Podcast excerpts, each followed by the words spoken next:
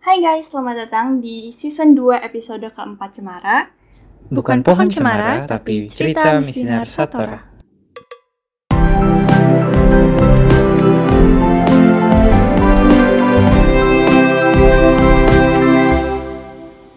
Nah, ini merupakan episode terakhir loh.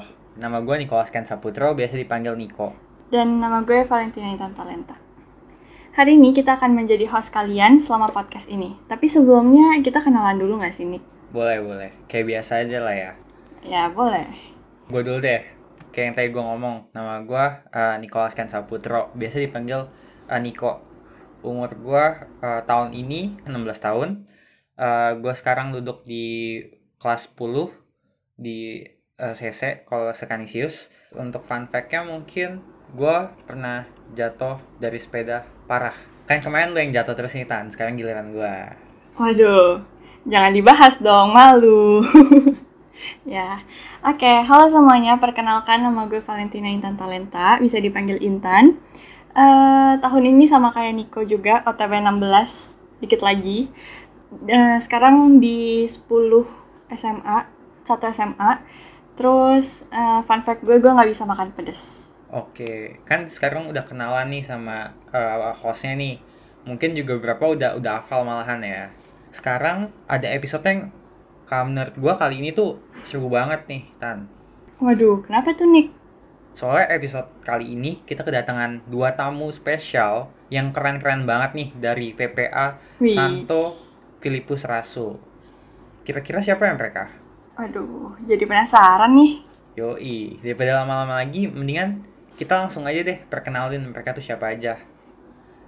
Oke, hai teman-teman semua. Kenalin nama gue Felisa, biasa bisa dipanggil Feli atau Felis boleh. Gue dari bendaharanya PPA Santo Filipus Rasul, sekarang gue duduk di kelas 12 SMA Santa Ursula Jakarta. Salam kenal. Oh ya, by the way, fun fact gue adalah gue tuh addicted banget sama yang namanya semangka. Oke, salam kenal. Oke, halo. Kenalin, nama aku Florencia Aureli Sugandi atau biasa dipanggil Floren dan di sini aku sebagai wakil dari PPA. Nah, fun fact aku hmm, paling ini ya, aku suka sama makanan mentah. Biasa aku makanin sayur kol atau enggak sayur sawi mentah. Dan tahun ini aku jalan umur 17. Oke, salam kenal semua. Oke, kan tadi kita udah kenalan nih. Sekarang kita mau tahu dong dari hmm, siapa ya? Dari Felicia deh. Eh, Kira-kira kesibukannya apa aja nih selama pandemi? Kesibukan pandemi paling cuman sekolah ya, biasa online school, terus eh, ngurusin beberapa organisasi sekolah sama organisasi luar sekolah juga. Sama paling sekarang yang paling difokusin buat persiapan kuliah gitu sih. Ya kayak ini lah ya, pelajar pada umumnya lah ya. Jadi um, fokusin pada pendidikan tapi juga organisasi juga dijalanin juga.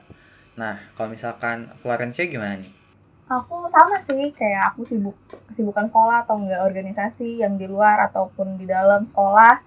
Tapi sekarang-sekarang ini paling aku cuma kayak sibuk buat persiapan tes kuliah sama tes bahasa Inggris juga gitu sih. Kalau boleh tahu, eh, kira-kira kalian tuh ngincernya tuh di universitas mana gitu? Oke, dari aku dulu, gue ngincar PTN sih negeri, ambil, kayaknya mau ambil eh, Universitas Pajajaran di Bandung. Unpad. Kalau misalkan eh, Florencia sendiri gimana? Eh, aku eh, ngincer di luar sih di Taiwan pakai eh, beasiswa kampus mamaku. Ya mungkin kalau misalkan yang di dalam paling Atma Jaya atau Tarumanegara itu sih. Oke, keren banget sih. Semoga eh, apa yang disita-citakan, yang universitas yang diimpikannya juga berhasil dicapai. Amin. Oke, sekarang kita mungkin bisa mulai fokus dulu lah ya ke beberapa pertanyaan nih. Eh, Jadi tadi udah dari Felicia dulu. Sekarang mungkin bisa dijawab dari Florencia dulu lah ya. Kira-kira yang selama COVID tuh paling berasa banget tuh dampak pada bagian apa sih?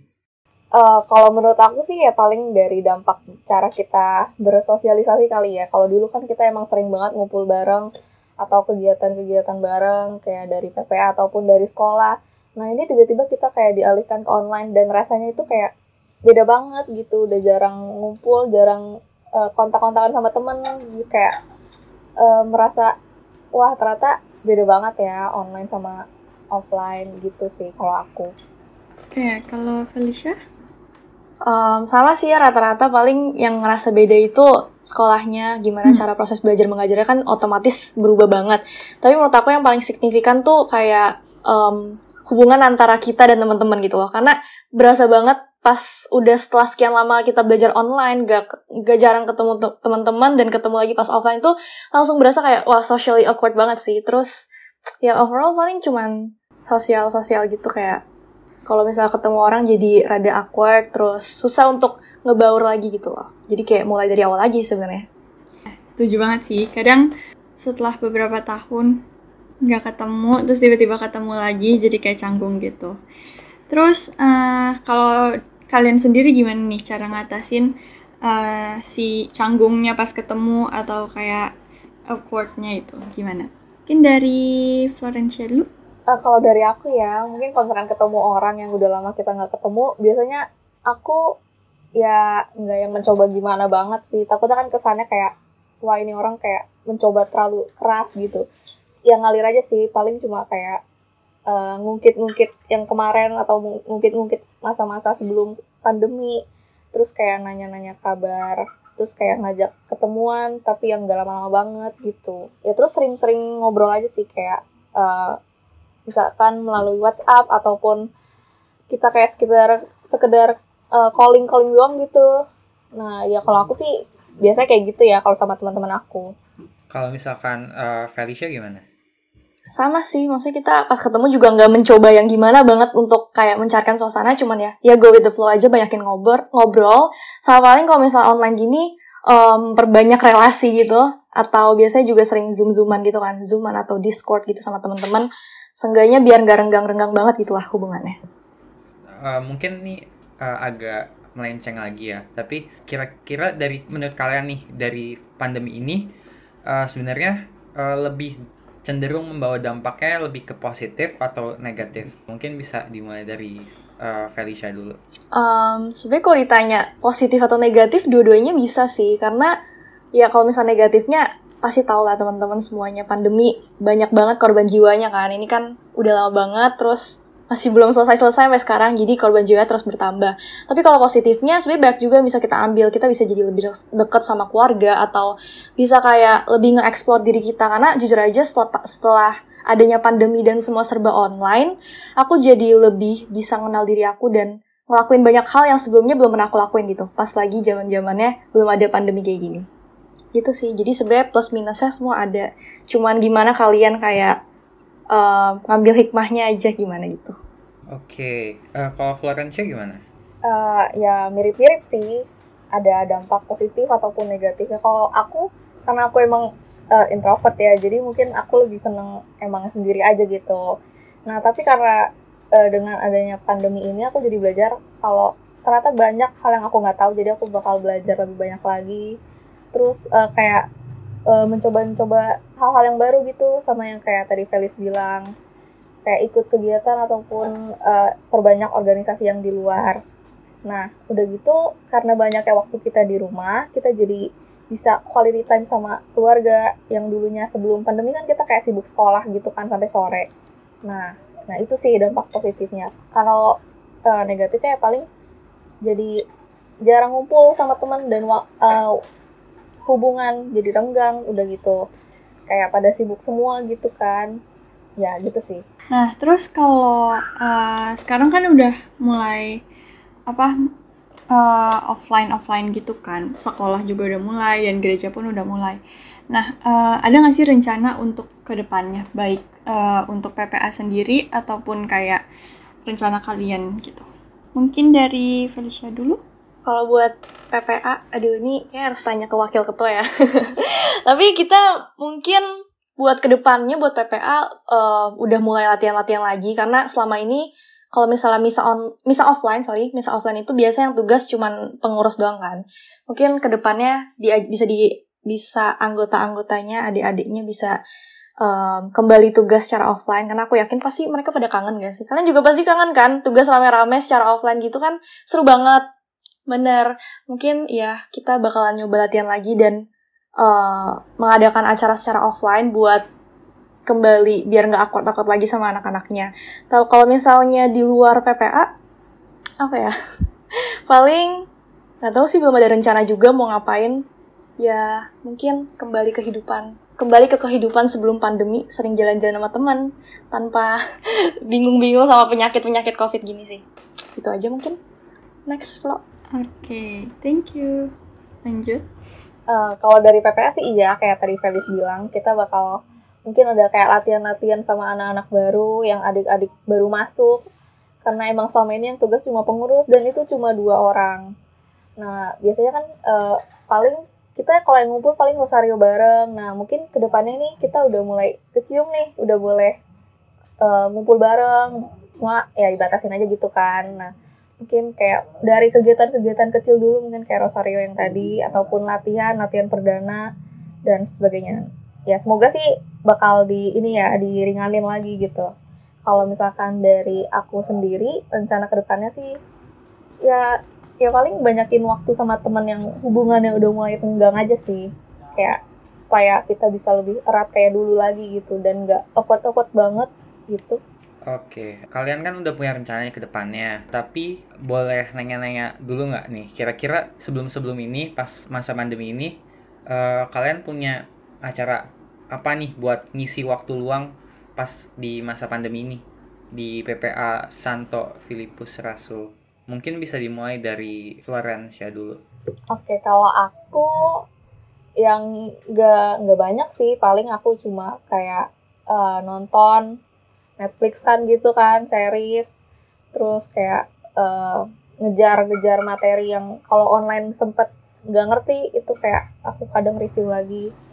Terus ya gitu aja sih, sama paling kayak ngeliat-ngeliat kampus atau apa, terus nyiapin tes-tesnya udah. Ah, Oke, terus kalau untuk di PPA sendiri, apa aja nih kegiatan-kegiatan online yang selama pandemi ini berlangsung? Misalkan tadi ada Rosario, misalkan eh, apa lagi? Bisa disebutin contoh lainnya mungkin? Hmm, iya sih kayak karena Rosario kita dulunya offline, sekarang kita lebih sering online kayak tergantung bulan Rosarionya gitu kan. Udah gitu eh, kemarin kita baru Natal, Natalan bareng di online juga pakai Zoom. Dan sebagian besar acara-acara lama tetap diadain sih, cuma bedanya kita secara virtual aja gitu. Kayak tadi Natal ataupun eh, Santo Dominikus, perayaan Santo Santa gitu-gitu kita masih tetap ngadain meskipun secara virtual. Oke, eh, berarti eh, sama aja kayak acara-acara dulu yang kayak eh, buat ngerekatin hubungannya antar eh, anggotanya, tapi eh, bedanya di media doang ya. Em, terus kira-kira eh, ada kesan-kesan nggak buat yang anggota yang akan nonton atau eh, teman-teman misinar di luar sana?